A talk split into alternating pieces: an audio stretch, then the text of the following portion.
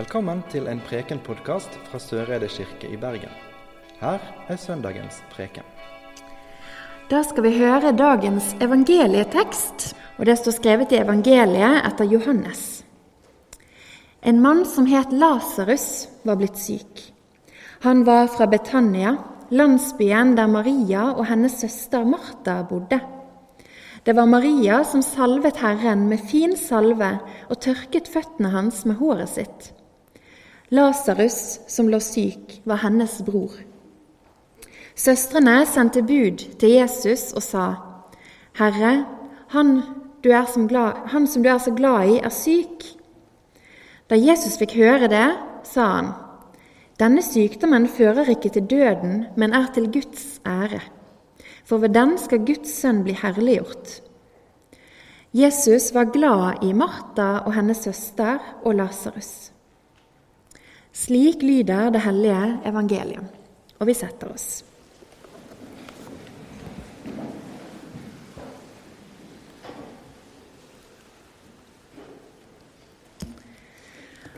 Kjære konfirmanter og foreldre, foresatte, besteforeldre, faddere og venner. Det er veldig kjekt å endelig få se dere og treffe dere på gudstjeneste her i Søreide. Dette har jeg gledet meg til. Og jeg må innrømme at jeg var litt spent og nervøs før vårt første møte, vi ansatte og konfirmantene, her i går på pangstart. Det er noe med det å møte en hel gjeng for første gang, i alle fall i år, når jeg ikke har vært vant til å treffe så mange folk på en og samme tid. Men nå er vi altså her, og konfirmantåret 2020-2021 det er offisielt i gang. Og nå er det dere. Det er dere som er konfirmantene, og en gjeng på omtrent samme størrelse som dere, som kommer klokken ett i dag. Men det er altså dere som er gjengen. Det er mye vi skal innom og undre oss sammen over dette her året. Mye av det vi skal innom, det står i Bibelen. Og eh, mye av det vi andre vi skal innom, det er våre egne erfaringer, våre egne liv som vi bærer med oss. Jeg er veldig glad for at vi har begge deler. At vi kan tolke livene våre, og at vi kan prøve å tolke Bibelen sammen. For Bibelen det er et sted som eh, kan hjelpe oss til å lære mer om oss sjøl, om hverandre og om Gud. Selv om Bibelen er en gammel bok, så er det faktisk mange av de fortellingene der som jeg tror at vi kan kjenne oss igjen i i dag. Og hvis vi ikke kan kjenne oss igjen, så kan vi kanskje la oss provosere veldig av det som står. I alle fall er det sånn for meg. Bibelen det er altså mange fortellinger av menneskers erfaringer av Gud og av livet. Og Disse fortellingene de kan handle om så mangt. Det kan handle om kjærlighet, om sorg, om lengsel, svik, glede og egentlig veldig mye av det som vi møter i livene våre. Etterpå så skal dere konfirmantene få hver deres bibel som ligger framme til dere. Og Den skal dere få til odel og eie, som det heter, og den skal bruke masse dette året. Det er mange temaer i Bibelen, og tekstene som vi har lest i dag, som jeg sa i sted, de handler om vennskap. Og Det tror jeg at mange av oss kan kjenne oss igjen i. Enten vi har mange gode venner, eller om vi kanskje lengter etter å få litt flere ekte venner. Når vi var samlet her i går, så svarte dere på en undersøkelse om hva dere liker å gjøre på fritiden. Det var litt forskjellig som kom fram i den undersøkelsen, men veldig mange av dere skrev at dere liker å være med venner. Venner er viktig. Vennskap har vært viktig for mennesker siden tidenes morgen. Vi velger jo ikke hvem foreldrene våre er, eller hvem familien vår er, eller egentlig hvor vi kommer ifra. Men vennene våre de blir nesten som en sånn familie som vi kan velge sjøl. Sånn er det i Bibelen òg der familietilhørighet kanskje var enda viktigere enn det det er i dag. Venner er viktig. Gjennom vennskap så deler vi gleder og sorger. Vi utvikler oss sjøl og vår egen identitet i en ramme som er annerledes, og som går lengre ut enn vår egen familie. Og som vi hørte i den teksten som jeg leste, så var Jesus en venn for de tre søsknene. Maria, Martha og Lasarus. Det står at Jesus var glad i de tre. Sannsynligvis så var disse her fire, gjengen på fire, de var sannsynligvis barndomsvenner som kjente hverandre veldig godt. Har møttes eh, gjennom eh, kanskje påskehøytider gjennom mange, mange år. Og de har nok opplevd ganske mye sammen. Og Det kan virke som at dette her, det var de nærmeste vennene Jesus hadde. Han hadde jo en del disipler òg som gikk rundt sammen med han, men de her de hadde en helt sånn spesiell plass hos Jesus. Jeg tror at dette her var de tre Jesus kunne være seg sjøl 100 hos og slappe av sammen med. Jeg tror faktisk at det var sånn at Jesus trengte venner. Noen som han kunne være seg sjøl hos 100% Noen han visste at ville han vel, noen som forsto. Og Vi kan kanskje tenke at eh, Jesus var så annerledes enn oss andre. At han kanskje var litt sånn upåvirket av de som han traff i løpet av sitt liv. Da. Men sånn var ikke Jesus. Jesus, Guds sønn, han ble ikke menneske på sånn liksom. Han ble et menneske av kjøtt og blod.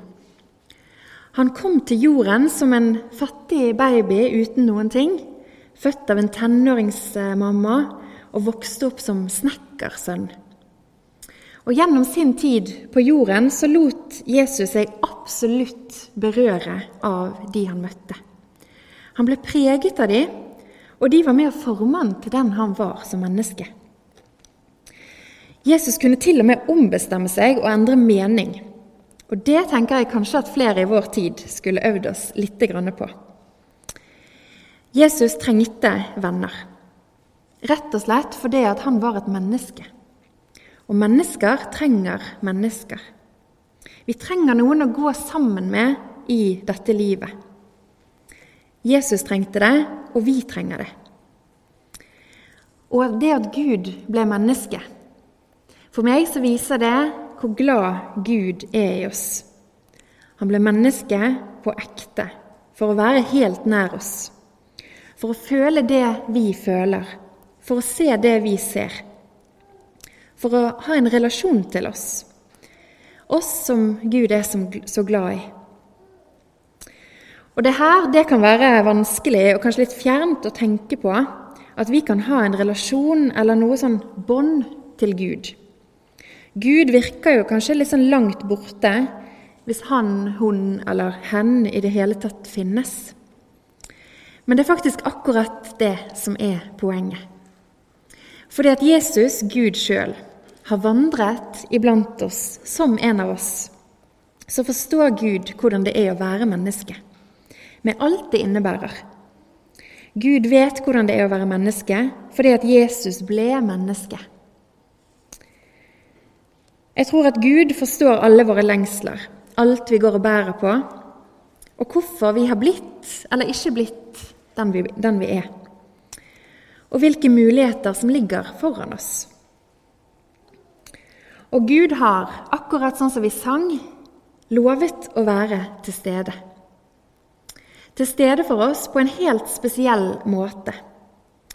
Og Det kan være vanskelig å se, det kan være vanskelig å tro. Men jeg tror at alle steder der kjærlighet finnes, der tror jeg at Gud er. Så når vi er venner, mennesker imellom, når vi elsker hverandre i familien, og når vi gjør noe for andre mennesker, eller for sårbare dyr, for havet, for jorden, så tror jeg at Gud er til stede akkurat i det som skjer. Som en venn, som en søster, som en bror, som en som alltid tar imot oss. I den ene teksten som ble lest fra Hebreabrevet, som det heter, så sto det en tydelig oppfordring som jeg tenker at vi kanskje kan ta med oss inn i dette konfirmantåret. Hold søskenkjærligheten levende, sto det. Og hva betyr det? Jo, som kirke så tror vi at alle mennesker er skapt i Guds bilde, og derfor hører sammen som søsken og som venner, og at vi har et sånn bånd imellom oss. Det båndet, det er dåpen.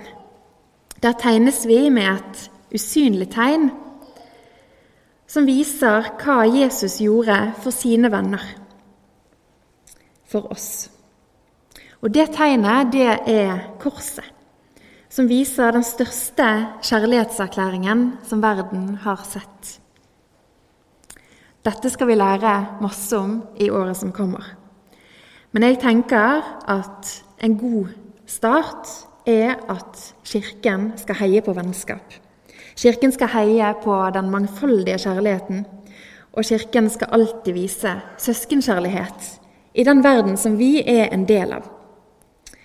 Dette året skal dere konfirmantene være med på dette oppdraget. Sammen skal vi finne forskjellige måter å vise denne søskenkjærligheten på. Både for hverandre, fordi vi har nært oss, og for de som er langt, langt unna. Og dette gjør vi fordi at Gud er kjærlighet. Gud er kjærlighet som ønsker alle velkommen i fellesskapet og i venneflokken. Amen. Du har nå hørt en Preken-podkast fra Søreide kirke i Bergen. Vi samles til gudstjeneste hver onsdag og søndag, og har ellers arrangement for alle aldre. Følg oss gjerne på Facebook og Instagram, eller finn oss på kirken.no soreide. Takk for at du hørte på. Inntil vi høres igjen, ha en god uke.